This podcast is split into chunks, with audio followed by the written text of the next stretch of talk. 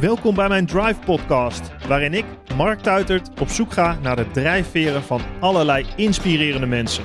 Van atleten, ondernemers, wetenschappers tot artiesten. Met Joop Albeda praat ik naast die mooie gouden Olympische volleybalfinale over hoe je mensen bij elkaar krijgt rond één missie. Als Olympisch succescoach, als technisch directeur en chef de mission van de Olympische ploegen, als bestuurder en commissielid bij uiteenlopende sportorganisaties. Joop Albeda is een van de meest gevestigde namen uit de afgelopen 30 jaar van onze vaderlandse sportgeschiedenis. En wat is de rol van filosofie in zijn sportbeleving? En hoe zou een overkoepelende visie over wat belangrijk is in het leven tot politieke waarheid kunnen worden? Ik bespreek het met Joop Albeda. Luister naar en leer van Joop Albeda.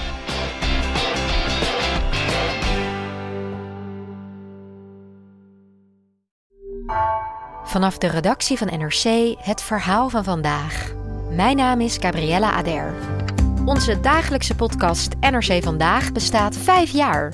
Elke werkdag praten we je in 20 minuten bij over het verhaal van de dag. En vanaf nu kun je ons ook in het weekend horen met iets nieuws. Elke zaterdag brengen we een extra bijzonder audioverhaal. Luister NRC Vandaag nu iedere dag in je favoriete podcast-app. Dit programma wordt mede mogelijk gemaakt door Odido, partner van Team NL. Voor je aan de podcast begint wil ik je kort wat vertellen over mijn nieuwe boek Drive, train je stoïcijnse mindset. Tijdens mijn carrière, maar nu ook als ondernemer en vader, heb ik veel gehad aan de principes van de stoïcijnse filosofie. De stoïcijnse mindset heeft voor mij het verschil gemaakt om succesvol te zijn. Overigens zijn het veel principes die ik herken bij de sporters, coaches en high performers die ik voor mijn podcast spreek. In Drive leg ik uit hoe ook jij een stoïcijnse mindset kan trainen. Het zijn 10 praktische levenslessen en trainingen die je helpen om met de juiste mentale balans het beste uit jezelf te halen, zodat je zowel scherp als relaxed door het leven kan gaan. Met de stoïcijnse mindset kun je richting geven aan je leven, actie ondernemen en accepteren waar je geen invloed op hebt. Deze mindset werd al millennia geleden toegepast in alle lagen van de bevolking. En nog steeds is deze mindset essentieel om mentaal sterker te worden. Bestel jouw exemplaar van Drive Train je Stoïcijnse Mindset op marktuitert.nl slash drive of via jouw lokale boekhandel.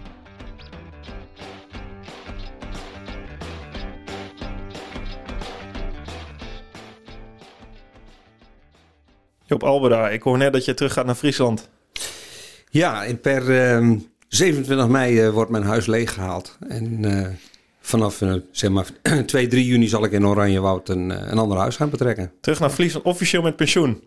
Nee, die, die term, dat, dat raakt mij direct al zo van ja, pensioen Ja. is gewoon een, ja, het is een soort, is een term uit de geschiedenis die niet meer past bij het huidige wereldbeeld.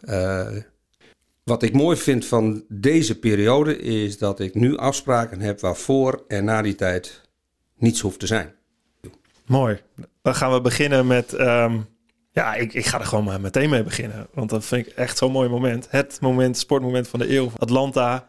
Neem me even mee naar die finale tegen Italië. 2-2 in sets. Vijfde beslissende set. 14 gelijk. Je hebt twee time-outs. Wat gebeurt er? Wat zeg je op dat moment? Ik heb de time-outs op dat moment hoofdzakelijk gebruikt om wat ik dacht Italië uit het ritme te halen. En dus je hebt een, eh, wij waren toen al redelijk ver met eh, computerstatistieken en eh, analyses.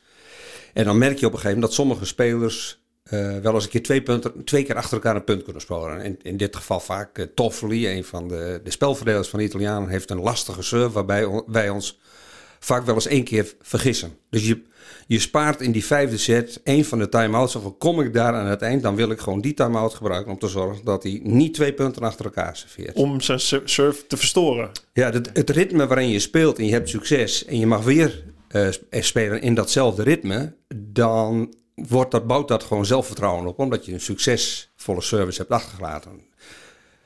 Eh, soms is het om iemand even bij de les te houden. Want er waren ook spelers bij die het heel vervelend vinden. Van mijn kant. Hè? Dus dat is een raar evenwicht. Want je haalt je eigen ploeg ook uit een ritme. Ja. En je haalt de tegenstander Ja. uit het ritme. Nou, wat Alhoewel het zelf verkozen. maar ik, heb, er, ik heb ervoor gekozen om het ritme van de tegenstander te breken. op een moment waarop ik dacht, nu wordt het cruciaal. Uh, en die inzichten en die verrassingen, die kennen je spelers niet. Die hebben die informatie niet. Die spelen in een flow dat spel. Uh, ik weet nog dat Bas van der Goor of drie van de zeven spelers die veel gespeeld hebben, eigenlijk naar afloop zegt van, ik weet die hele stand weet ik op een gegeven moment niet meer. Ik weet niet of we voor of achter hebben gestaan. Dus, oh ja? En een ander, en nu omdat het zo lang geleden is en iedereen die wedstrijd wel teruggehaald heeft, komt een soort bewustzijn over wat er toen gebeurd is. Dat verkleurt helemaal. En een, uh, Douwe Draaisma, een, een, een Groninger psycholoog, zegt erover: het geheugen helpt je door de tijd. Dus als er iets moois gebeurt, maak je het soms nog rooskleuriger. En als er iets uh, vervelends gebeurt, dan maak je die pijn soms wat ondieper naarmate je verder van de pijn afkomt. Een soort overlevingsmechanisme. Zodat je er makkelijker mee om kunt gaan. En dat zal nu ook weer, weer actualiteit met de oorlog van de Oekraïne ook gebeuren. Hoe gaan mensen met de trauma's om? Mm die iedereen daar gaat meemaken. En die wij zelf ook allemaal in ons leven meemaken. Want even voor de mensen die denken, waar gaat het in? We hebben het natuurlijk over Atlanta 1996, de volleybalfinale. De heren uh, hebben vier daarvoor zilver gewonnen. Ja. Uh, de finale verloren tegen ja. Brazilië. Jij bent coach geworden uh, twee jaar uh, voor tijd, toch? In 1992? Nee, direct, direct, al na de Olympische Spelen. Oh, die, ja, drie, ja, in 92 al. 93, in januari 93. Precies, daar zit vier tussen, ja. En wat, hè, dit is de finale waarop alles dan lukt, waarop alles samenkomt. Dus voordat we, hè, ik ben heel erg benieuwd hoe die vier jaar zijn gegaan en wat daar uh, de achtergrond van was. Even terug naar dat moment. Het is niet voor niks het sportmoment van de eeuw. Um, de, de, de, tweede time-out komt. Uh, Italië heeft nog volgens mij een matchpoint uh, gehad tussendoor. Ja. ja. 15, 14 wat, wat zie je gebeuren? Als je het hebt over die flow van zo'n heel team, wat, wat, wat ontstaat daar? Er ontstaan. Nou, wat, je ziet, de routine, eh, de reden waarom je zo ongelooflijk lang traint, komt dan gewoon boven. Uh, ik heb dat altijd gezegd: topsport is simpele dingen in één keer extreem goed doen. Het is geen, je, je wordt geen Olympisch kampioen met een kunstje. Je wordt, niet, je wordt afgerekend op de simpele dingen, op je basistechnieken, op on, onder zwaarst mogelijke druk. Niet denken aan de consequenties. Dus op het moment dat wij 15, 16 achter staan, denk niet aan als het 15, 17 is, dan moeten we via uh, vliegveld Eelde terug naar Nederland. En ook niet als je 16, 15 voorstand met 17, 15 dat je naar de koningin gaat. Hè, dus die, dat consequentiedenken, uh, dat komt alleen maar omdat wij gemiddeld 250 interlands op het veld hadden staan per persoon. Dus 1500 stond er altijd op het veld. Dat is gewoon bizar veel.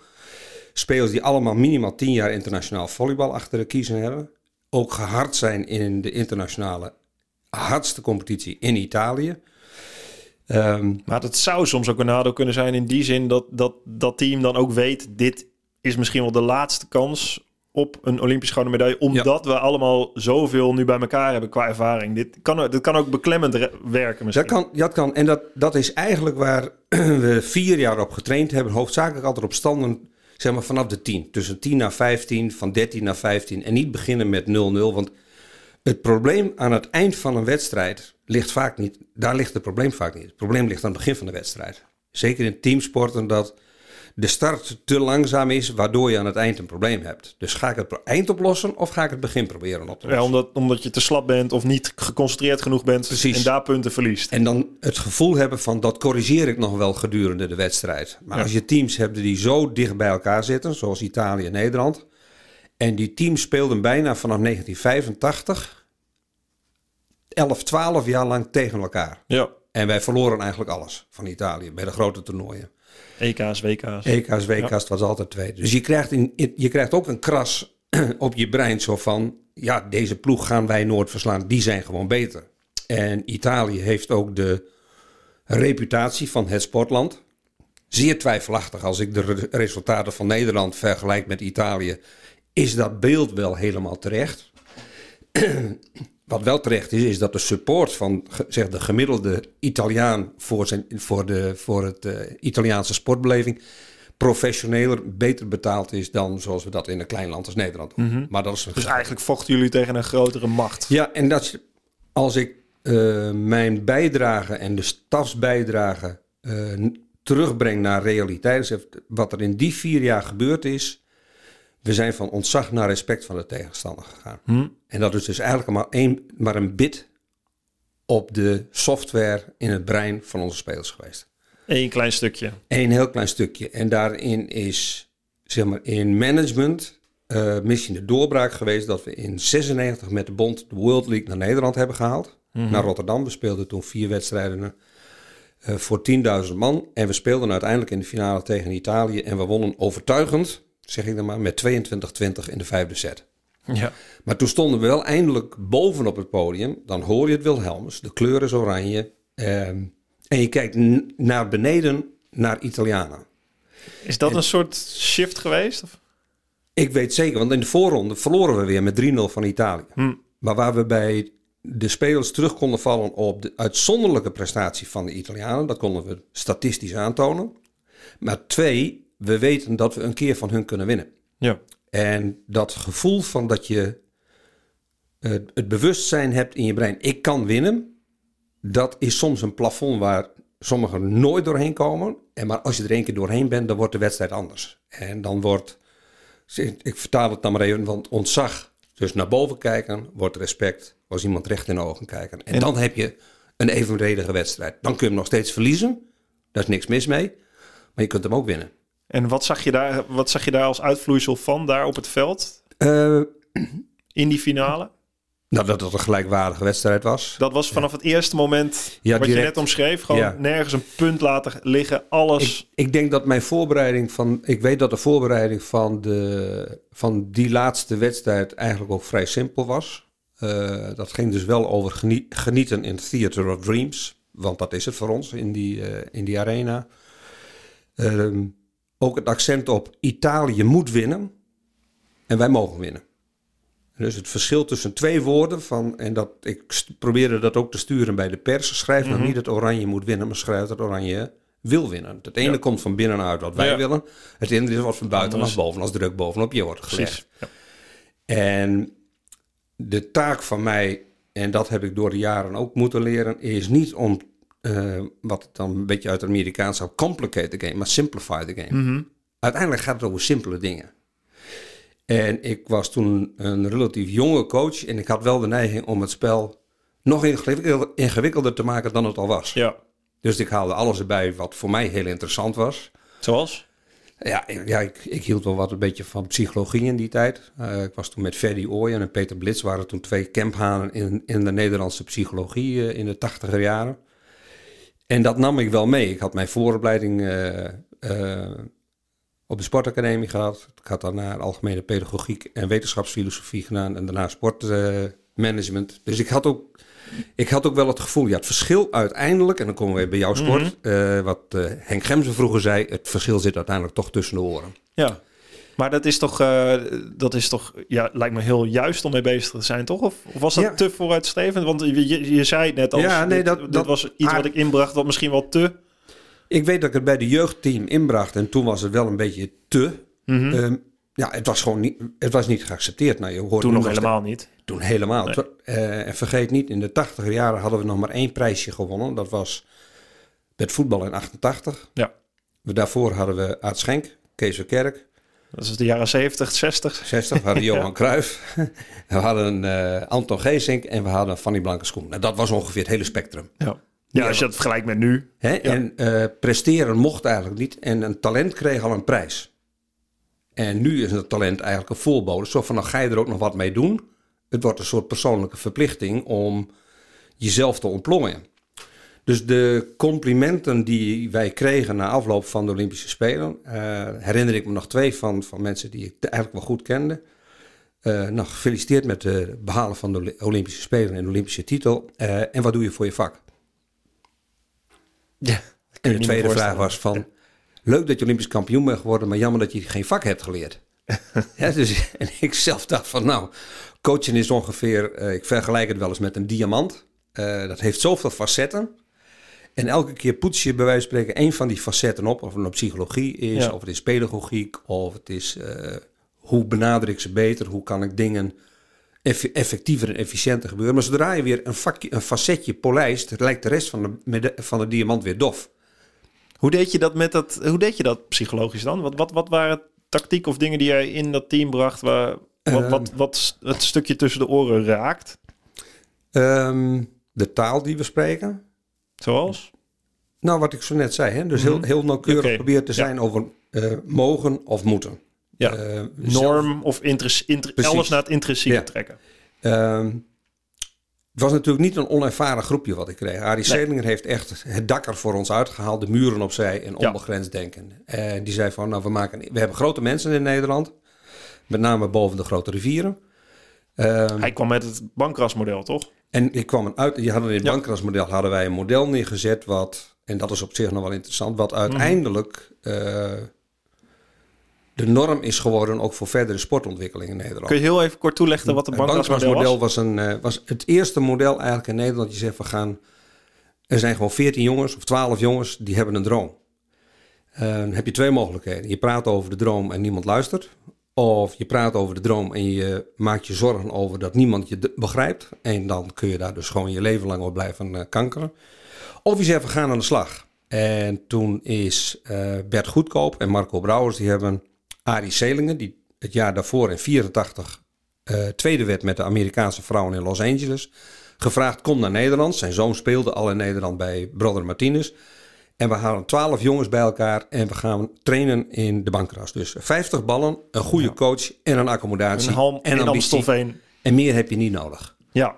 En het, is, het bankrasmodel is ook veel meer een manier van denken geworden.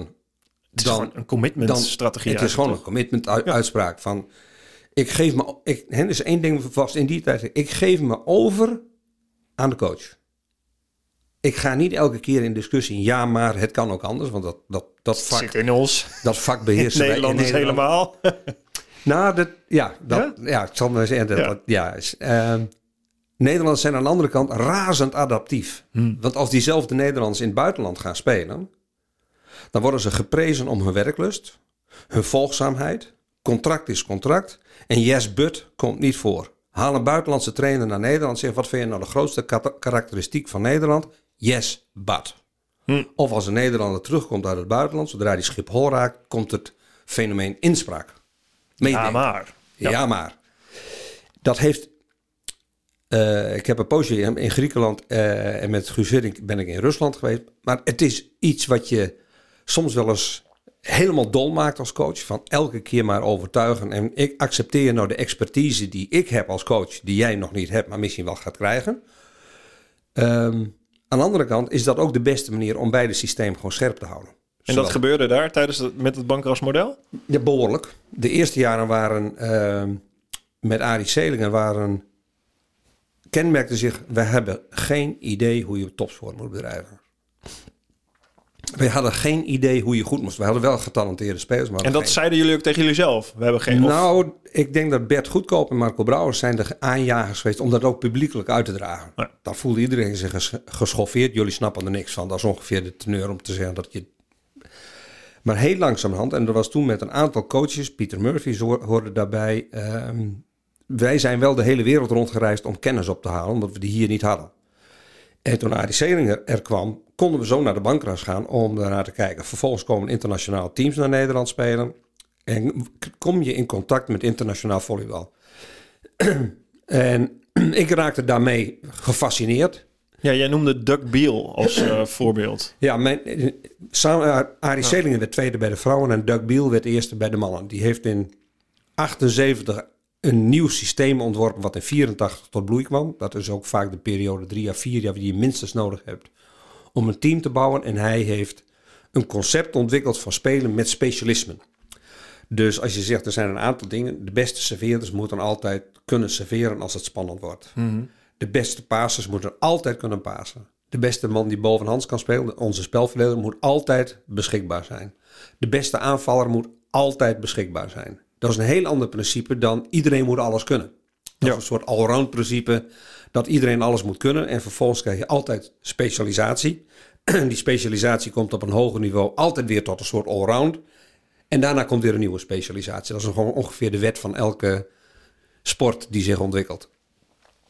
En hij is de aanjager geweest van een nieuw model. En ik eh, leerde hem kennen. En we hebben nu nog steeds wekelijks contact zo'n beetje met hem. Wekelijks zelfs. Wekelijks. En soms wel eh, dagelijks. We, zitten.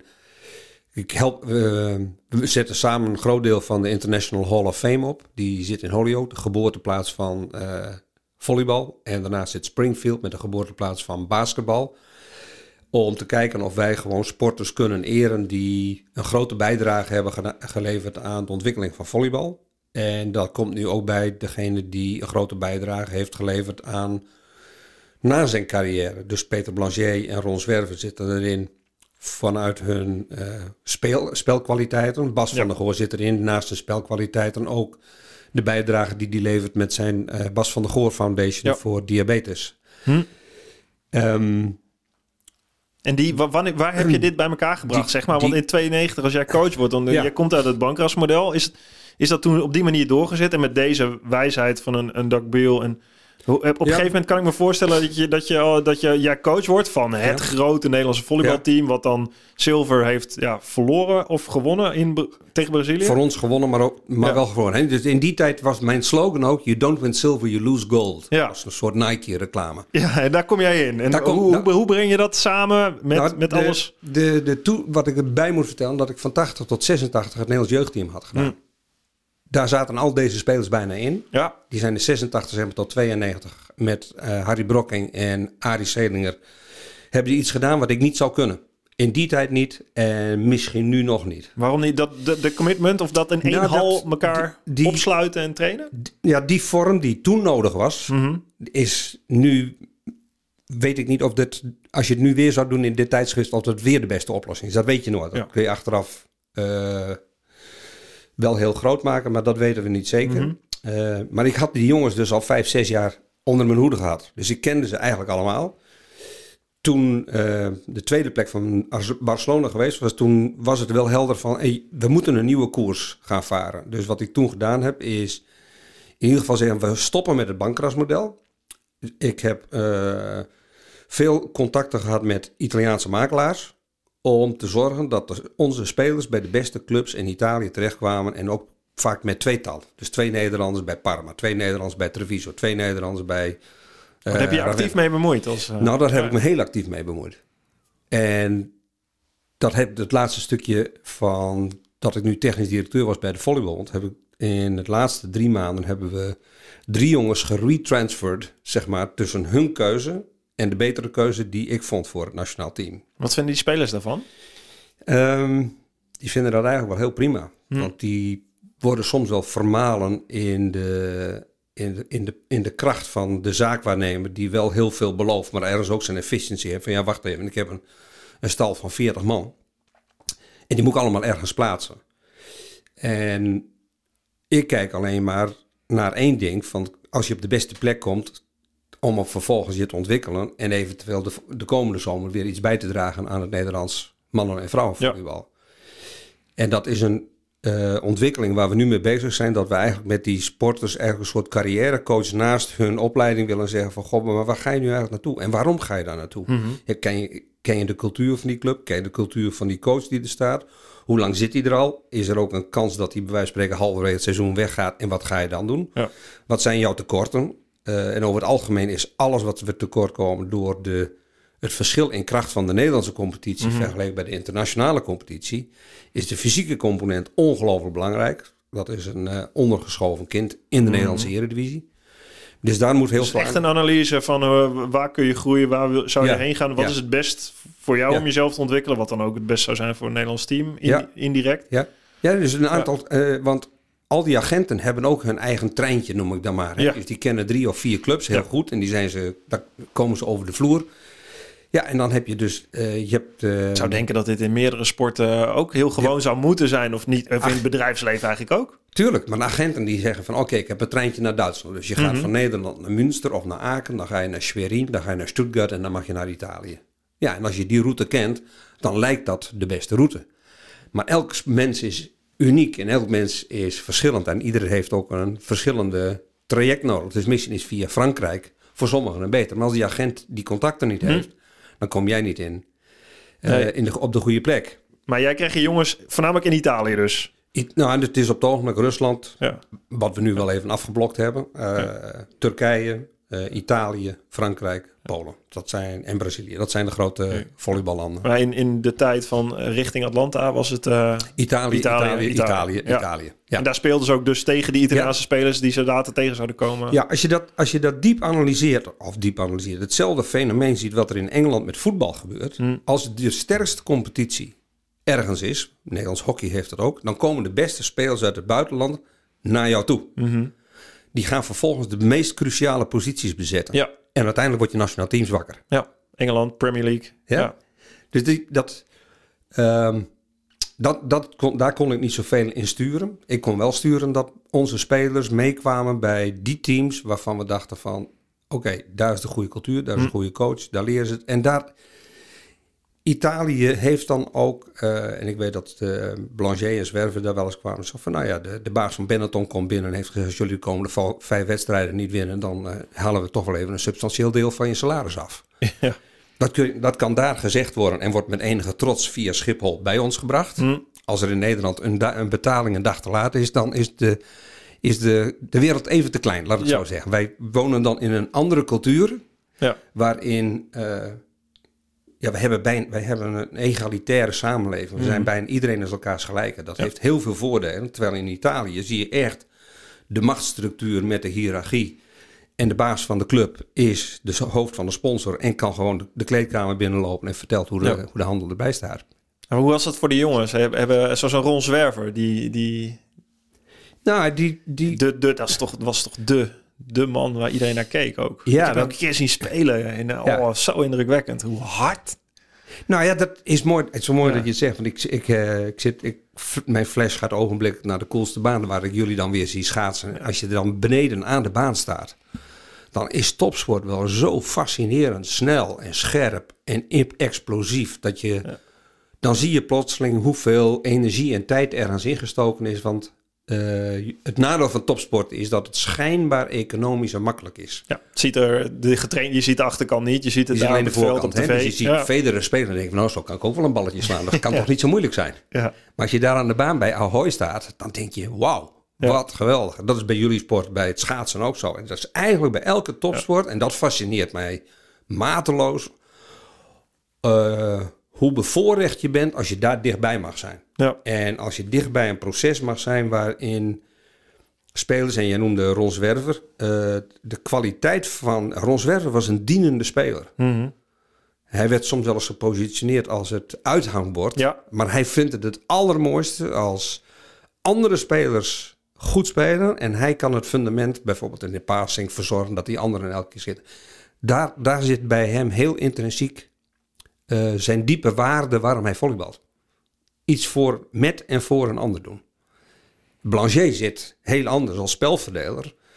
Die is, heeft de vaardigheid om op het allerlaatste moment te beslissen. Wij speelden met hem ook een, eh, een systeem uiteindelijk wat anders was dan alle andere landen op dat moment speelden. Eh, wij, dat is te ingewikkeld om bijna om uit te leggen, maar de, er lag heel veel late beslisruimte voor wat wij gingen doen bij de combinatie van de middenaanvallers, Bas van der Goor en Henk Jan, in combinatie met Peter Blanchet. Mhm.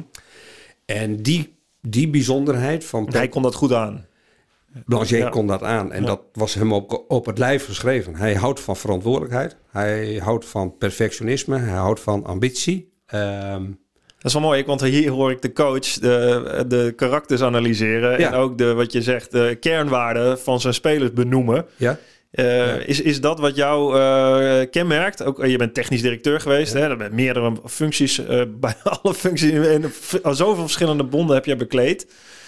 Ik, heb, ik heb je vaak over visie horen praten. En, en uiteindelijk komt dat, komt dat stukje volgens mij ook heel erg neer op die kernwaarden. Op Ja. die, Ja. wat iemand drijft. Hè? Ja. Een podcast heet Drive. We- waar, waar zit dat bij jou? Wat is dat stukje gedrevenheid? Waar zit dat überhaupt in? Herken je dat ook bij coaches toen je technisch directeur was of als coach bij spelers? Ehm, Wat is ja, die? ja, de, Kijk, kijk, what- kijk, what- kijk je daarna de, naar de... What makes you tick? Hè? ja, wat, ja. is dat de bril waardoor jij, waardoor jij kijkt? Naar, als, je, als jij Bij- sport... even terug, als we het even Ja. dat team hebben, hebben we in eh 93 zei ik van goh, het moet, we moeten er toch anders. Toen heb ik een grote clipper eh, gehuurd, de Hollandia, 36 meter. En daar wou ik een aantal dingen samen met de staf in hele speelse vorm eigenlijk een beetje boven tafel halen. Hoe ver voor de Spelen zitten we hier? Uh, vier jaar. Vier jaar, echt. Oh, zo ben je begonnen. 93, 94, 95, 96. Um, en eigenlijk is dan de centrale val, hou, je, hou jij van volleybal? Of hou je hè, van die sport? En het antwoord is natuurlijk ja, natuurlijk. Ja. Maar dan is de vraag, waarom? En dus pak je Plato als het ware uit de kast en zeg je, nou stel nou eens de waarom, waarom hou je nog? Ja, ik vind het leuk. Nee, maar waarom vind je dat leuk? He, dus als jij niet prijsgeeft wat voor jou waardevol is, Mhm. dan kan ik nooit waarde toevoegen. Want elke keer als, jij, als ik denk van nou, dit is iets heel goeds, dan zeg je ja, nee, maar dat past me niet. Mhm. Dus in die analyse waren er een aantal spelers die wilden bij wijze van spreken miljonair worden. Ja. Een aantal spelers wilden gewoon de hele wereld zien. Een aantal spelers wilden ehm, Olympisch kampioen worden, maar niet iedereen. Omdat dat gewoon ook een verschillend... De een heeft daar veel meer aarzelingen bij of heeft hele andere waarden dan het resultaat als waarde. Mhm. Met de consequenties daarvan. Ehm, we hebben, ik heb dat... Durfden ze dat trouwens ook uit te spreken? Eh, nou, nou, dat is heel moeilijk, hè? Ja, maar je kan je voorstellen hè, dat je als waarde hebt. Ik, je zegt ik wil miljonair worden. Dat, dat, dat zou je. Lijkt me, je zou als coach kunnen denken of als medespeler. Ja, kom op, daarvoor zijn we hier niet. We willen toch die wedstrijd winnen. Terwijl het, het kan echt een drijfveer van iemand zijn, natuurlijk. En er is helemaal niks mis mee. Nee. Alleen het is niet een collectieve waarde. Precies. En dus dan uiteindelijk wordt het dan samengevat tot een paar. En ik noem, noem maar even het Cervelo testteam, waar ik ook manager bij geweest ben. Was een van de, na het volleybal, een van de leukste, spannende dingen die ik gedaan heb. Daar stond op de bib short, dus op de, op de broekjes, stond Unite, Sacrifice, ehm, Innovation. Innovatie omdat dat heel belangrijk voor het Ja. bedrijf was. Eh, sacrifice omdat je nogal wat moet opofferen om bij wielrennen gewoon de top te bereiken. Unite, we gaan dat in een speciale manier samen doen. En in de binnenkant van het shirt was gestikt honesty. Want dat kun je beter in dat wielrennen. In die tijd wilden wij gewoon een ploeg hebben die onderling met elkaar eerlijk met elkaar omging. Ehm, we waren bereid om geen, wij gaan me- geen medicamenten toes- toestaan. Terwijl je weet, als iedereen EPO gebruikt, dan word je gewoon 181 tot 190. Mhm. Zo simpel was Mhm. het. Ehm, maar je raakt ook iets aan waardoor eh, spelers onderling, maar de staf ook met elkaar, dat je elkaar accountable kunt houden, dat je elkaar af Mhm. Ja. kunt rekenen. Zo van als we zeggen van goh, het is belangrijk, ik noem ook maar iets als eh, loyaliteit naar elkaar, dus ook op tijd op de training komen. Ja. Training begint nooit te laat. Als we dat met elkaar belangrijk vinden en we hebben dat als waardig, omdat dat Ja. Jij niet als coach, maar als geheel. als heel, want je Ja. steelt namelijk ook ruimte van iemand anders die wel op tijd is. Ja. En wat je vaak ziet gebeuren bij een vergadering, we moeten even wachten op figuur X. Dus dan beloon je degene die te laat komt en je beledigt degene die op tijd is. Mhm. Dus de, de training start altijd om 11 uur. De training gaat ook altijd door. In Griekenland, daar, waar ze een andere cultuur hebben, daar begrijpen ze daar natuurlijk helemaal niks van. Op tijd beginnen is dat op tijd beginnen is dat is net zoals het academisch kwartiertje. Dat, Ja. heeft, wel, dat Ja. heeft wel wat speelruimte. Andere waarden. In, in absolute term in Mhm. het leven is het natuurlijk volstrekt zinloos. Eh, maar ik was daar zelf wat door ook wel geobsedeerd. Dat ik zei van, goh, als wij nu al, elke dag een minuut, elke uur een minuut te laat beginnen. Stel je voor, je komt bij de koning uiteindelijk en je wordt tweede. En die vraagt van, hoe ging dat bij de training? Begonnen jullie altijd een beetje op tijd? Van, nou, we begonnen altijd een minuutje later. Hoeveel uren hebben jullie getraind? 10.000 uur. Dus de kans is dat de Italianen 10.000 minuten meer getraind hebben dan jullie, omdat zij Mhm. op tijd begonnen. En als je dan met één punt verliest aan het eind, Ja. ben je dan ook iets vergeten om te doen, waardoor je zelf slapeloze nachten voor jezelf creëert. ja. Nou, zo, Dus dit is een discussie die je kan voeren ook eh, met, met een team en met alle waarden. Want je zegt, je noemt net eh, Cervelo en de waarden die dan op je shirt staan en ook op de binnenkant van het shirt. Heel mooi.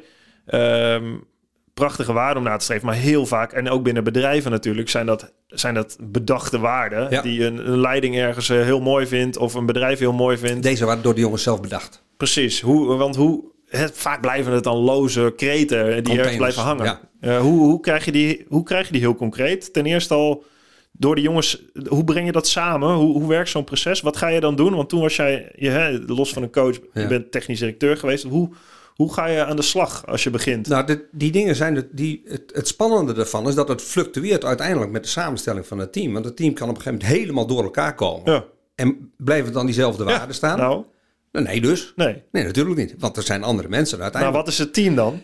Ehm, Zijn dat dan er altijd zijn- die mensen? Of is nou, het, nee, er zijn ook mensen die, die passen niet binnen de waarden. En dan, dan kom je als bondscoach eh, in een heel lastig parket, omdat je eigenlijk met je handen gebonden over de weg loopt. Want ik heb geen keus uit 50 of 100 spelers die dat kunnen.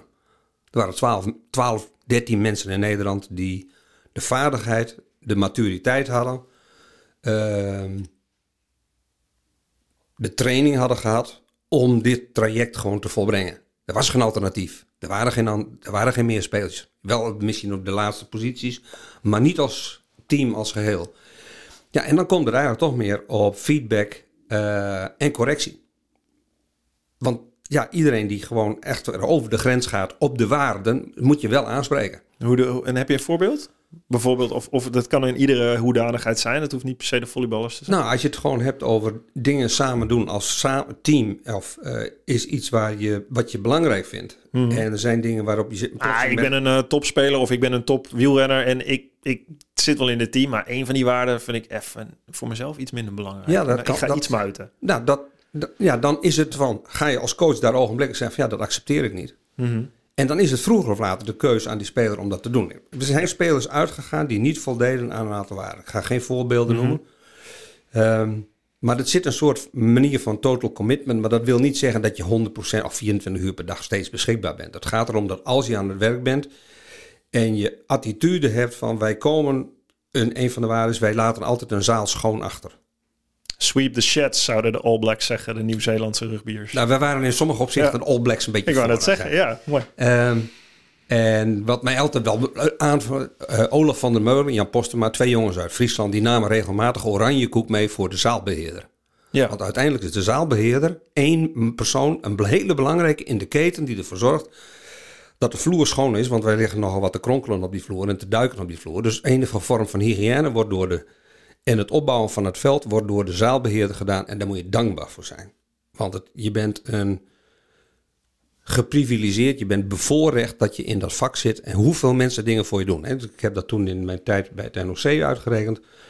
En dat is ongeveer nog steeds zo. Een topsporter, een A-sporter, krijgt gemiddeld van de samenleving 100.000 euro per jaar. ja, alles gerekend, eh, faciliteiten, coaches, staf, begeleiding. Ja. Mhm. Gemiddeld, hè? Ja. Als je dan tien jaar erin zit, is er een miljoen in jou geïnvesteerd. Dan is het toch logisch dat je iets terug doet voor de samenleving. Ja. Dan is het toch logisch dat je back to school gaat. Dan is het toch logisch dat je naar je eh, iets wil doen. Niet alleen voor een sponsor, maar gewoon voor om niet om iets te doen. En dat vind ik soms wel eens eh, moeilijk met de komst, opkomst van zeg maar, de zaakwaarnemer.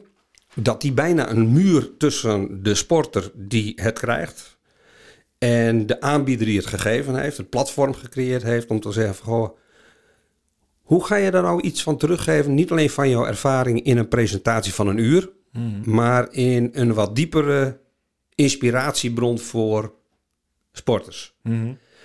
Ehm, en ik denk dat de, af en toe zo'n crisis die je hebt wel, wel eens goed is om alles weer een keer ehm, te herdefiniëren. Ja. Zeg van maar even weer naar de actualiteit. Ehm, als eh, deze geweldige eh, ellende in Oekraïne gebeurt, openen wij, opent de mensheid zich plotseling. Ja. Of het nou Polen zijn, of Ja. Duitsers, of Nederlanders. Overal gebeurt het. Ehm, en dan laten we ons plotseling van een bijzonder goede kant zien. En het is dan altijd zo jammer dat als dat wegvalt, dat wij zo snel de neiging hebben om terug te vallen op het oude normaal. Mhm. Terwijl we wat nieuws hadden kunnen leren. Mhm. En daar ben ik eh, zelf af en toe wel eens eh, niet zo positief over de leercapaciteit van de mensheid. Nee? Nee. Nee, dat, eh, als je de geschiedenis... het is een Nee. cyclus die zich blijft herhalen. Hè? Het is een, ehm, een, droevige, een droevige boekenkast. Als je daarnaar kijkt. Ja. Of het nou corona is. We willen allemaal terug naar het oude normaal. We moeten Ja. allemaal direct weer in de auto rijden. Terwijl we net geleerd hebben dat autorijden volstrekt overbodig is. En dat je heel veel op afstand Ja, het is moeilijke tijden creëren sterke mensen. eh, sterke mensen Ja. creëren goede tijden. Goede tijden creëren weer zwakke mensen. Ja. Zwakke mensen creëren weer slechte tijden. Ja. En Dus als beleidsmaker moet je steeds anticyclisch Mhm. doen. Dat is heel moeilijk. Want dan zeg je van het gaat heel goed. We gaan een cursus leidinggeven doen. Dan zegt hij, was dat nou voor nodig? Ja. Westenwind, economie komt uit Amerika. De beurskoersen gaan omhoog en ik nou, word rijker. ik, eh, jij eh, hebt in een interview eh, aangegeven ehm, dat, dat jij pleit voor meer filosofie als vak. Ja, ja. Dan heb je mij. Ik denk, ja, geweldig. Waarom? Ehm, om het, het- je moet altijd uitkijken of het je persoonlijke ervaring is als je die gewoon uitnut. Ik heb de sportacademie gedaan, er waren zoveel vakken dat het nooit diepgang had. Ja. Eh, maar het raakte wel heel veel onderdelen van marketing tot fysiologie, tot eh, inspanningsfysiologie, fysiotherapie, ehm, kennis van het lichaam, kennis van de inspanningsfysiologie. Eh, Er zat nog wat marketing bij, maar ook pedagogiek en psychologie. Dat je denkt en filosofie, dat je denkt van ja, het is goed dat je accepteert, begrijpt dat mensen vanuit andere uitgangspunten op een totaal andere weg toch hetzelfde doel kunnen bereiken. Ja. Dat geeft een vorm van ehm, compassie met de ander. Inlevens, verbreed je inlevingsvermogen. Ja, en perspectief verbreed, ja. wordt veel breder. En je, je komt op een gegeven moment ook tot acceptatie dat mensen anders mogen en kunnen denken. Zonder dat dat slecht is. En dat verhindert je ervan om altijd van die stellingen in te nemen. Dat Ja. jij wel weet hoe de wereld gerund moet worden. En dat de claim van eh, het succes bij jou, van jou afhankelijk is. Jij hebt daar een bijdrage in, groot of klein. Laat de andere kant dat maar beoordelen. Ehm, maar ik vind zeker ook, het wordt steeds sterker als ik zie hoe moeilijk dat vak van coachen is. En hoe moeilijk het is om mensen te helpen. Dat filosofie daar een hele goede bouwsteen in is om ehm, daar af en toe iets, iets in te doen. Dus ik ben Misschien ook, betere vragen te stellen ook. En inderdaad, Ja, inderdaad ja, niet meteen ergens binnen te komen en zeggen... ik weet hoe het werkt, we gaan het zo doen. dit is de enige manier. Een beetje Socratisch eh, Ja. nadenken over de, over de wereld. Is, maar men- mensen vinden dat wel heel moeilijk. Het is ontzettend moeilijk, want je Ja. moet je eigen oordeel inhouden of even parkeren. Natuurlijk, als je ergens binnenkomt, helemaal als je, Ja. je, bent, je hebt hard gewerkt, je bent een coach, je hebt een visie, je hebt een idee ergens over. Dat wil je misschien. Dus je bent heel erg geneigd natuurlijk om dat meteen ergens op te leggen en een mening te hebben. Meteen, hey, nee, Ja. dat is totaal belachelijk. Verkeerd, dit is goed. Nou, ik, ik zie het ook in eh, mijn leeftijdsgenoot eh, Louis. Die, die blijft maar leren. Die, we hebben dezelfde op. We houden van mensen. We proberen een beetje duidelijk te zijn. En we vergeten niet waar we vandaan komen. Een beetje zo'n drieluikje. En wat hij nu doet is zo anders dan wat hij deed. Ja. Eh, ik zie hem nu ook geniet, echt genieten van wat, waar hij mee bezig is. En weer een nieuwe spelvorm eh, bedenken. Wat weer nieuwe opties. En nieuw, omdat het in de tijdsgewicht, in de context van vandaag. Zijn spelers toch heel anders dan zeg maar 15 of 20 jaar geleden. Ook zijn team van 95 is, heeft niks te maken met het moderne spel van eh, 2022. Ja, ik vind het fascinerend. Er zitten heel veel mooie lessen in filosofie. Natuurlijk, als Ja. je bedenkt hoe het leven in elkaar zit, hoe iemand anders reageert, wat je daarmee kan. Ja, Ja, het zegt iets over onszelf. Dus wijsheid die in ons zit en die in een team zit en die je naar, je boven kan dus die- krijgen, een beetje de wisdom of the crowd. Uiteindelijk, dat was, dat was denk ik, eh, als we daar moet je wel goed begeleiden, denk ik. Ja. Ja, nou René ten Bos, dat is een Nederlandse Hm. filosoof. Dat is Denken des Vaderlands geweest. Daar heb ik wel een paar keer een interview mee gedaan. Eh, fascinerend hoe hij naar sport kijkt. En mijn droom was afgelopen jaren ook steeds van... oké, we gaan een week van het volleybal doen. Dan René ten Bos nodig ik uit. Ik wil Balkenende er wel eens bij hebben. Vanuit allemaal verschillende invalshoeken. Hoe kijken jullie nou eigenlijk naar sport? Of wat denken jullie eigenlijk waar, wat, wat wij aan het doen zijn? En wat kunnen wij leren als wij gewoon met jullie in gesprek gaan? Corona heeft daar natuurlijk een geweldige steen in die vijver gegooid. Want ja, dat soort dingen op afstand doen, kan al, dat werkt niet. Dat kan alleen maar in de besloten, intieme ruimte van ogen, gevoel, eh, het activeren van alle zintuigen. Hè, dus onze Ja, dan moet je zintuigen, elkaar, mensen bij elkaar brengen. Om een goed zintuigen hebben we om zin te geven aan het tuig om ons heen. Oké, ja, die vind ik mooi. Zintuigen hebben we om zin te geven aan het tuig. Om om ons heen. En dat tuig bedoel ik niet mensen, maar gewoon alles om ons heen. Mhm. Daar zijn onze zintuigen voor. Dus als je zegt, ik doe het alleen op het brein, Mhm. Dan laat ik heel veel achterwege. Als ik het alleen op het gevoel doe, dan mis ik ook wel wat. Hoofd en hart. Hoofd, hart, eh, gevoel, maar ook luisteren en zien. Ehm, dus ik begrijp niet, eh, maar dat komt misschien door mijn, eh, terwijl de sport steeds beter wordt. Ik leer elke keer als ik een zaal binnenstap. Dan voel ik en dan ruik ik en dan proef ik of er spanning is of geen spanning is. Jij kent dat zelf ook wel. There's something in the air. In Tialf bijvoorbeeld. Ja, ik denk ook dat, dat je... Dat Of heb ik ook als ik voor groepen spreek bij, bij bedrijven of bij... En ik denk dat bedrijfsleiders dat, of managers die teams leiden zelf ook vaak wel... Je, je proeft ergens hoe een sfeer zit, wat het probleem is. En wat, Ja. dat is heel fascinerend. Hè? Dat, is, Ja, dat is wat mensen zeggen dat het probleem is. Wat, wat, je, wat je aanvoelt, wat, wat ergens zou kunnen spelen. Zeker. Zonder dat je... Ik denk niet dat je moet denken, hè, wederom, dat je Ja. weet wat er speelt als je dat voelt. Maar Je, je, je, je, het is ergens een sfeer die je voelt. En dat maakt het dus aan de ene kant heel erg spannend. Want zo'n proces met een team doorlopen, want het zijn toch 12 of 20 verschillende individuen, plus een staf van 5 à 10 man, dat is echt al. Dan zit je al op de, op de rand van span of control. Hè? Ja. Eh, van kun je dat nog wel goed managen? Of gok je erbij een aantal dingen waarop dat het wel goed zal komen? Of hoop je dat sporters de, of mensen gewoon de goede keuzes maken? Ehm, en terug dan naar eh, de rol van filosofie. Voor mij zou het heel belangrijk zijn, ook bij wijze van het nu een accent in de samenleving is, een veilig sportklimaat of een veilige woon, werk, leefomgeving. Ehm, in deze eh, maatschappij waar steeds ook eh, andere mensen binnenkomen met hele andere culturen. Als je dat gewoon niet meekrijgt, kun je dat ook niet accepteren. En loop je dus het risico dat er uiteindelijk een splitsing in de maatschappij komt van arm en rijk, fit en niet fit, hoog opgeleid, laag opgeleid, Mhm. en anders denkenden, andere geloven die, waarbij geloven vaak uit eh vredelievende gevoelens begonnen is, maar soms kunnen eindigen in Ja. eh ongelooflijke Nou ja, je ziet, dat, En- dat en- zie je gebeuren eigenlijk. Hè? Eh, Ray Dalio heeft daar een mooi boek over geschreven. De, wat hij de hele wereldorde probeert te, ja, te verklaren op basis van historisch onderzoek. Hè? Inderdaad, dat, dat, dat je eigenlijk, hè, jij, eigenlijk hoor ik jou ook wel zeggen, de naoorlogse opbouw, wederopbouw, heeft natuurlijk ook uiteindelijk voor heel veel welvaart gezorgd. Ja. Voor, voor hele mooie dingen, voor heel veel ja, eh, ja, zaken waar we nu aan hechten, die we, die we in onze maatschappij hebben, waar we ons misschien niet eens meer altijd van bewust zijn. Als Nee. het gaat om gezondheidszorg, scholing, Ja. vrij kunnen sporten, u- überhaupt, Überhaupt. ons druk maken om topsport, zeg maar. Wat ook niet zozeer een primaire levensbehoefte is. Eh, maar dat dat ook kan doorschieten in, in, in een soort fase waarin je eh, steeds meer ongelijkheid krijgt. Ehm, eh, dat, dat niemand zijn positie meer wil opgeven. Nee. Dat, dat er een soort shift komt tussen inderdaad een soort ja, echt een tweedeling. Ja. Nou, en, Schisma. en, en nou, als we teruggaan naar wat ik dan maar bewegen en sport noem. Eh, daar kunnen wij met onze 24.000 verenigingen echt wel een kleine bijdrage. Of misschien wel een Nou, grote bijdrage in leveren. Als ik, eh, hoor. ik, ik kom hier op de, ik ben op voetbal gegaan nadat ik Ja. gestopt ben met schaatsen. Dat is per definitie, dat daar komt de, de, de, de dakdekker, de schilder, de arts, de Ja, advocaat, dat de ondernemer, alles, alles Dat komt daar bij verenigt, elkaar. dat verenigt letterlijk. Ja, je maakt een, een, een grap over Ja.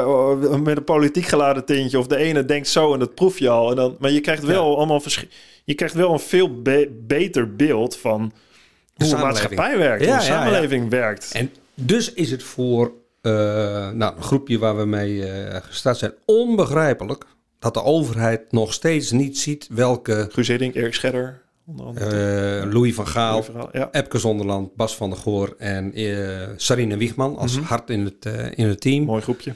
Ehm, ja, vi- vinden wij dat bewegen gewoon een, een gratis medicijn is naast vaccinatie.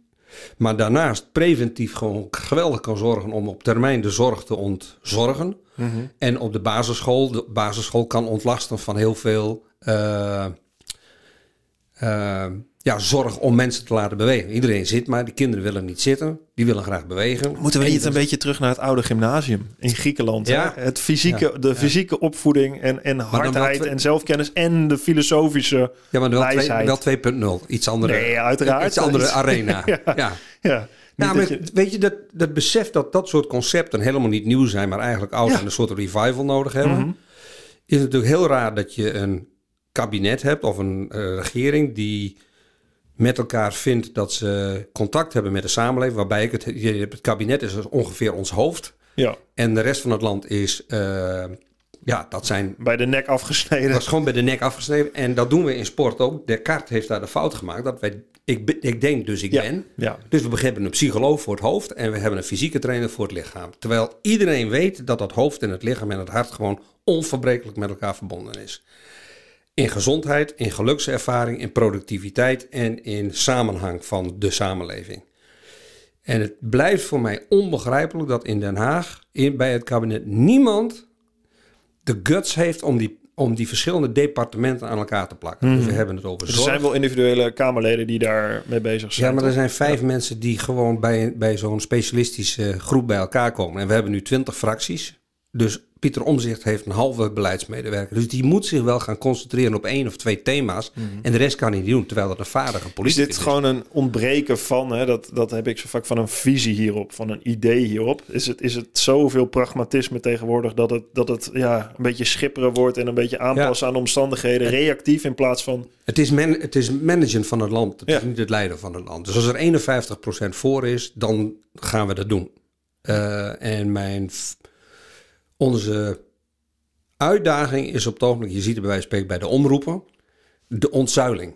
We zijn in zuilen groot geworden. Je, houdt, je houdt van Ajax of je houdt Ja. van Feyenoord. We hadden dit, van de norm, dit zijn de regels, Ja. dit, hier voldoen En we aan, de overheid veilig. En de overheid regelt dat voor jou. En we hebben nu gewoon een soort ontzuiling. Want ja, wat maakt het mij uit of nou en Vara boven staat of KRO of Mhm. Avro. Dat maakt, daarom kijk ik niet naar een programma. Ik kijk naar een programma omdat het Ja, goed we krijgen niet meer onze kaders mee vanuit een Nee. zuil of vanuit een... Nee. Nee, die moeten En- we zelf gaan verzinnen. En als je de zuilen ziet in, bij de overheid. Wij sturen een brief naar economische zaken. Die zeven hebben een brief met een vraag gestuurd naar economische zaken, werkgelegenheid, zorg, onderwijs en eh, sport. En de andere vier departementen zien daar onder de naam van Joop Albeda, Guus Hiddink, Louis van Gaal staan. En zeggen, oké, welke vraag het ook is, dat gaat naar VWS. Maar dat was geen vraag over VWS, dat was een vraag aan economische zaken. Ja. Dus ze blijven in die zuil hangen. Dus de oplossing moet dan ook uit de zuil komen. En de, de zuil is de oplossing niet. Dus Het zijn, eh, zijn de individuele teamleden, Joop, die Ja. eh, allemaal wel een kracht hebben, maar die niet samen spelen als geheel. Nee, en dan zeg ik van ja, dat, zoals wij Rijkswaterstaat hebben. Als het water omhoog gaat, verhogen we de dijken. Of Thierry Baudet nou aan het bewind is, of Mark Rutte, maakt ons niks uit. Zo zou je ook rijksvitaliteit en je zou rijksonderwijs moeten hebben en rijksveiligheid. Dat, staat, dat is boven of buiten politiek en niet afhankelijk van de samenstelling van het kabinet. Dat willen wij met elkaar. En geld kan toch, als je gewoon visie hebt, is geld een bijproduct van vertrouwen. Het kan toch niet zo zijn dat wij steeds maar een, een wisselend onderwijspakket hebben, omdat iemand weer wat nieuws bedenkt. Onderwijs is een fundamenteel plek waar kinderen langs mogen gaan om zich te gaan een basis te krijgen voor hun ontwikkeling. En moet voor iedereen toegankelijk zijn. En daar moeten de dingen in zitten die wij belangrijk vinden met elkaar. En niet alleen maar de besturen van een school. Waarom, eh, volgens mij laten we in topsport best wel zien dat het kan. Daar heb jij een aanzet Ja. toegegeven eh, als technisch directeur van het NRC-NSF. Sydney verantwoordelijk ook. Veel medailles gehaald. Maurits Hendricks eh, met een top 10 ambitie heeft dat doorgetrokken. Nou, wij laten zien dat het kan als Ja. Nederland. Een top Ja. 10 ambitie als klein topsportlandje. Ja, Wat, wat dat, maar dat is super mooi, topsport. Ik ben Ja. fan van topsport. Ik vind dat we ambitie mogen tonen, dat, dat, dat we laten zien dat het kan. Dat moet toch ook, als je daar een, een goed plan Ja. op maakt, moet dat toch ook voor onderwijs kunnen gelden? Dan moet je toch ook kunnen zeggen, hey, waarom hebben we niet de ambitie dat we nou, omdat we het eerst top weggegeven 10 hebben. kunnen zijn in, in, in onderwijs en dan Ja. niet alleen in resultaat van eh, schoolcijfers, maar überhaupt in, in, in scholing, in brede interesses, in, in filosofische scholing, in fysieke scholing, in omdat, vakkennis. een, op een aantal, omdat een aantal onderwerpen voor ons nog niet zo meetbaar zijn zoals we het nu hebben. En Ja. scholen worden, uit, worden eigenlijk beloond voor hun output. ja. Ehm, in zorg hebben we alles naar de, een deel naar de markt laten gaan, die natuurlijk alleen maar curatief geïnteresseerd is en niet preventief geïnteresseerd is. Nou, het is een topsport deels ook zo natuurlijk. Hè. We meten het af Absoluut. in medailles. De Ja. vraag is, ja, Het is, de heeft vraag dat dan is, de waarde? Ja. Nou ja, ik denk dat dat een actuele vraag is. In hoeverre gaat de 37e medaille nog iets bijdragen? Mhm. Hè, dus even terug naar, eh, naar het begin toen wij Olympisch kampioen werden. Weet iedereen wie de anderen waren. Dat was Bart Brentjes, waren de hockeymannen. En Ja. dat waren de, de roeiers en dat waren de volleyballers. Er waren ook maar drie netten waar je naar mocht kijken. Nederland 1, 2 of 3. Dus de keuze was snel gemaakt. Dus iedereen keek naar het volleybal. Ja. Maar daarna is het internet geëxplodeerd. En hebben we allemaal eh livestreamings. Dus de niche kijkt naar zijn eigen sport. En, het, en de samenhang dreigt weg te vallen. Hm. En dat is wel, dat is wel een, ehm, een collectieve uitdaging van hoe, en, en we zien het nu ook heel sterk in, eh, in de samenstelling van de Kamer. Hoe kun je gewoon dit land bestuur houden als mensen gewoon eerst zich aansluiten bij een team. Dan zeggen op een deel van het team ben ik het niet mee eens. Maar ik ga dus op basis van het team wel in de Kamer zitten. Maar ik ben het er niet meer mee eens. En ik heb een eigen fractie.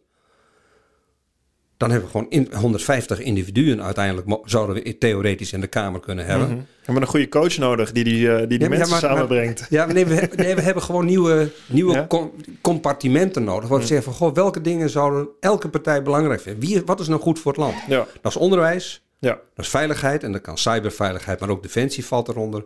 Dat is zorg. Ja, je begint eigenlijk met een Dat je aantal... vier, vijf ja, los van hoe je het invult, je, wat is belangrijk als basis? En daar, Dat zijn weer de basiscomponenten die, waarmee je ook een Olympische Dat- finale wint. dat die moeten precies. goed zijn. dat doe je dezelfde vijf, vijf dingen. in. Oh, nee, hè, techniek, tactiek, Ja. strategie, fysiek, mentaal. Dan heb je de vijf Onderwijs, dingen. zorg, Pats. eh, ja, Defensie, precies. eh, ja. Rijkswaterstaat in verband met het klimaat. Dus je, hè, klimaat is ook zo'n zo'n departement. Dus Mhm. zouden we dat niet boven de politiek moeten brengen? Dan Mhm. is er ruimte voldoende om met de actualiteit nog heel veel discussies over hoe gaan we nu met de vluchtelingen om? Hoe gaan we met het land op in samenhang? Hoe Ja. gaan wij... De discussie is van, gaan deze mensen ook allemaal weer weg?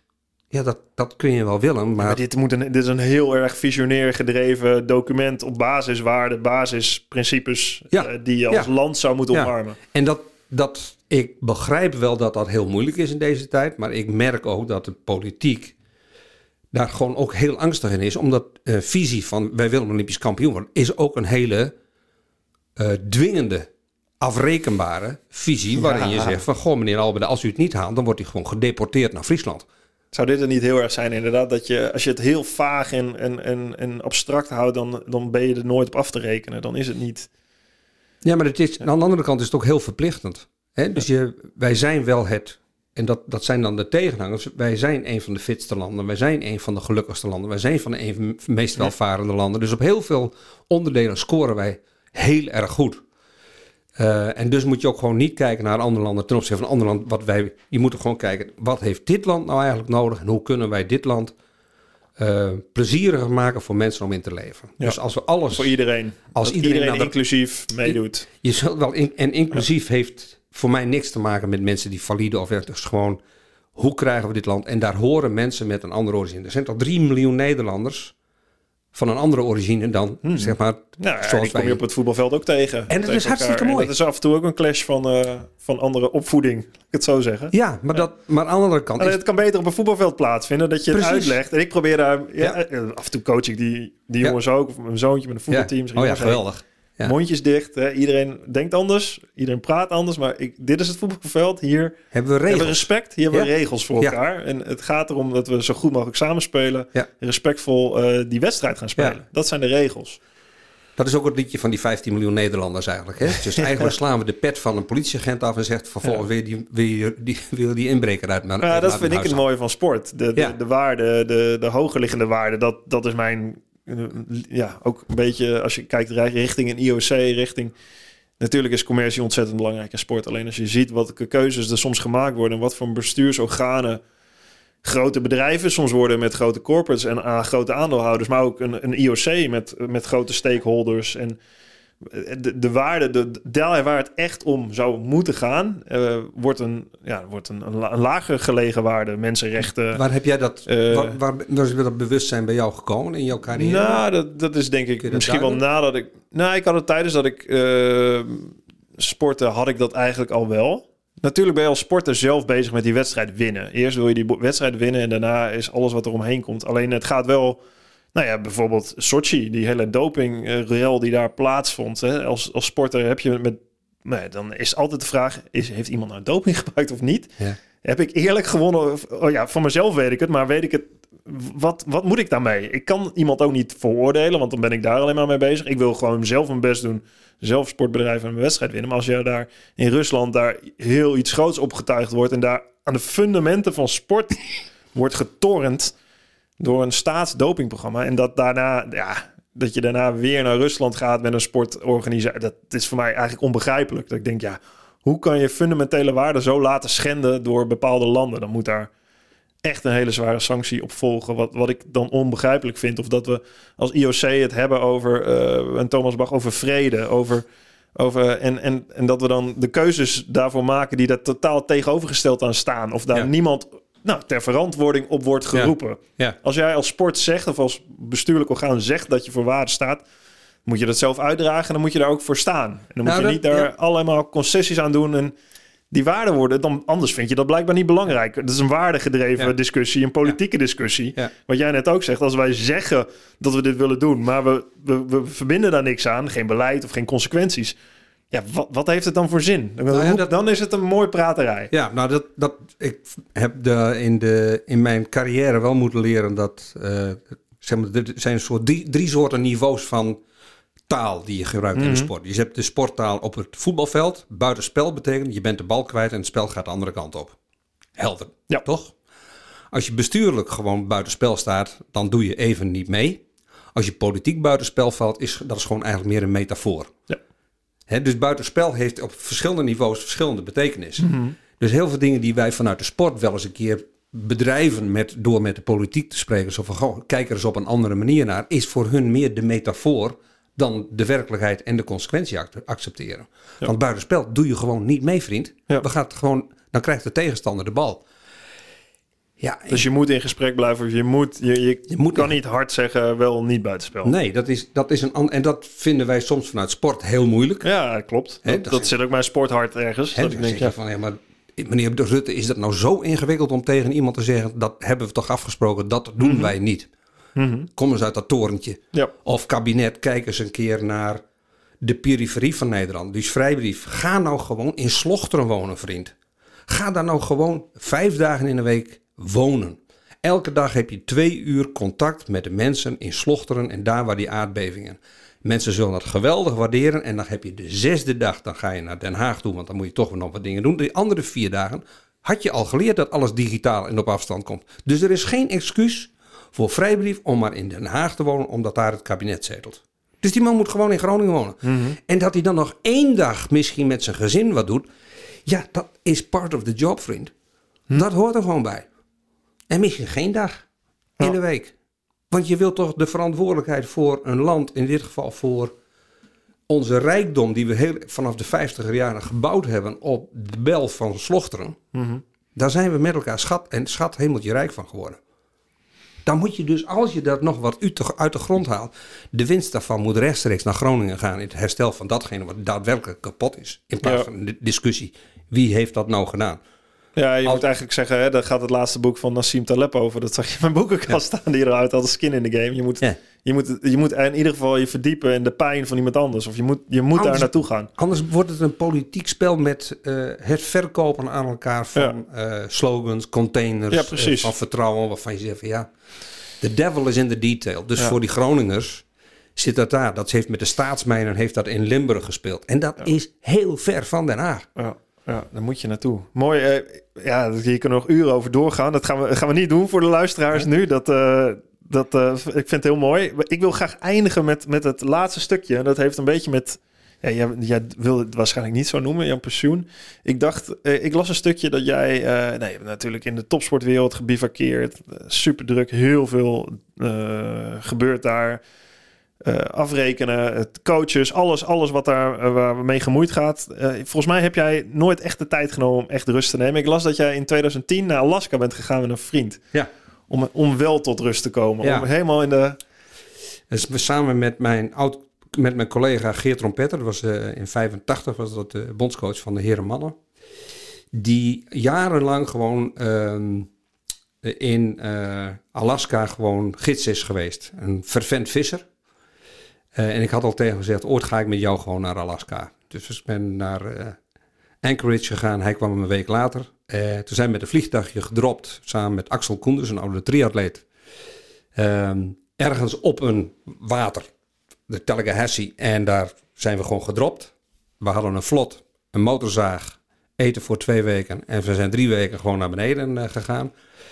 Waarbij je dus over stromen komt en de hele, alles eruit moet halen. En op de wal en om een, eh, om een dam heen. En dan ben je alles weer ingeladen. En dan 200 meter verderop hetzelfde proces weer. Waarbij je de hele dag rondloopt met een belletje om beren eh, van je af te houden. Terwijl je aan de andere kant heel nieuwsgierig bent. Waar is de beer? Ehm, Hoe was dat voor jou? Wat, geweldig. Geweldig. Dat is mijn mooiste vakantie ooit geweest. We hadden eh, toch nog een satelliettelefoon, maar gewoon geen contact. Alleen maar bold eagles en een elandje. Je had gewoon een satelliet van als noodrem. Alleen maar als. Ja, precies. Geen, geen telefoons of Nee, appjes niks. of dingetjes Helemaal waarmee je echt helemaal echt in de wildernis. Sinds, sinds, ja, dus was in- echt in die tijd eh, Into the Wild. Alleen Ja. het liep goed af deze keer. Niet zoals eh, het boek of de film. Ja. Prachtige film. Prachtige film. En hij blijft mij nog steeds... Ik, ik refereer er nog steeds aan. Ehm, dat. Wat, wat leverde jou dat op? Ja, dit klinkt misschien als een nut. Ik bedoel meer wat, wat inzichten. Want ik kan me voorstellen dat je in zo'n hectische uh, pressure cooker zit. Je leven lang dat je in één keer totale ik heb altijd reflectie hebt. Ja, de, ik heb na het volleybal heb ik ergens mijn, mijn tijd genomen om uh, gewoon te, terug te kijken. Na het Olympisch Comité, dat heb ik acht jaar gedaan. Ben ik, uh, zijn we een week naar, op vakantie geweest en ik heb elke ochtend besteed om twee uh, één of twee jaar van die periode eens even gewoon door te lopen door mijn agenda. Wat heb ik toen gedaan? Wat heb ik gedaan? Wat heb ik gedaan? En met name opschrijven welke mensen heb ik, als ik erop terugkijk, onrecht aangedaan. Welke mensen wil ik, met wie wil ik nog wat herstellen? Wie is het waard om nog eens een keer in gesprek te gaan? Uh, en ik weet dat het jaren later nog, bijvoorbeeld met de Raymond Sluiter, dat was voor ons toen een soort, wij waren bezig in die periode van om zeg maar, de vakantiegangers uit de Olympische ploeg te halen en te professionaliseren in de richting van de top 10, wat we toen in Sydney ook haalden. En Raymond was denk ik 52 of 53 op de wereldranglijst. En wij hadden bedacht als NOC top 50 en de internationale bond had zeg maar top 60 gezegd. Ja. En Raymond is iemand die excelleert als hij voor het land mag spelen. Hmm. En hij werd dus gewoon door een soort cold cut. Jammer, harde regels, doet niet mee. En dat, dat, dat heeft mij heel lang gewoon dwars gezeten. Hm? En ik had gewoon ergens geen. Ja, ik zocht hem ook, ook niet op, maar het zat ergens wel. Ik denk van, nou, ik moet die naam wel even noteren op een lijstje. Dat is iemand waar. Dat ik het nog wel eens wil zeggen. Niet dat ik kan herstellen. Maar dat we dat in die tijd gedaan hebben. Maar als ik erop terugkijk, was dat gewoon geen goed besluit. Hadden we gewoon moeten zeggen. Gaan we, hm. gaan we, het mag niet, maar we doen het toch. Uh, omdat ik weet dat het in dat moment was het voor hem heel belangrijk. Hoe reageerde hij daarop? Hij was het... Het speelde voor hem op dat moment geen rol meer. Maar het was voor mij wel... Ehm, ja, voor mij is dat een opluchting. Ik heb wel iets van... Ik leef het liefst in harmonie met mensen. Hm. Ik heb niet zo ben niet zo'n strijder om alles maar op scherp te zetten. En dan denk ik, jongens, kunnen toch ook gewoon met elkaar over spreken. Mm en toch loopt het in de drukte. Uh, met, toen waren we echt met de ontwikkeling van, van het NOC uh, en topsport bezig. Dan pak, heb je zoveel ballen op je bureau liggen, een van mijn zwakke punten, dat er gewoon een aantal ballen gewoon ook wel afvallen. Ja. En dan neem ik wel eens de tijd, en dat was in uh, Alaska ook zo, dat je gewoon onbewust gewoon dingen weer wat rubriceert en organiseert. Wat heb ik nu gedaan? Wat wil ik verder gaan doen? Daar heb je ook rust voor nodig, toch? En tijd en natuur. Dan heb, daar heb ik de natuur van nodig. Ik mag het ook wel, als ik aan het zeilen ben, dat is ook zo'n soort, uh, ja, dan bepaalt de natuur hoe snel het gaat. Ja, mooi is dat, hè? Ja, ik had het met schaatsen, met, met kitesurfen, skiën. Ja. Zo, ja. ja, maar met kitesurfen bepaalt de wind hoe snel je kunt gaan. Je techniek bepaalt in welke mate je dat heel, helemaal kunt uitnutten.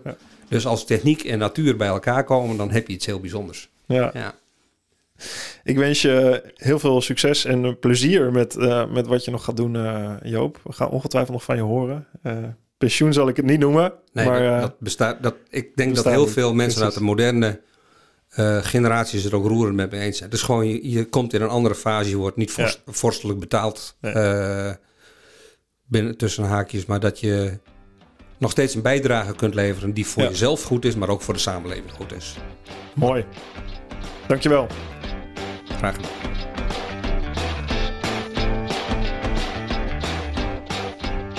Dank voor het luisteren naar mijn Drive podcast. Je vindt mijn aflevering op Spotify, iTunes, YouTube en mijn website marktuitert.nl. Laat me weten wat je van mijn podcast vindt en deel dat via Instagram, Twitter, LinkedIn of Facebook. Heb je suggesties voor gasten? Stuur me dan een DM via die kanaal. Tot de volgende Drive podcast. Goed, Mark.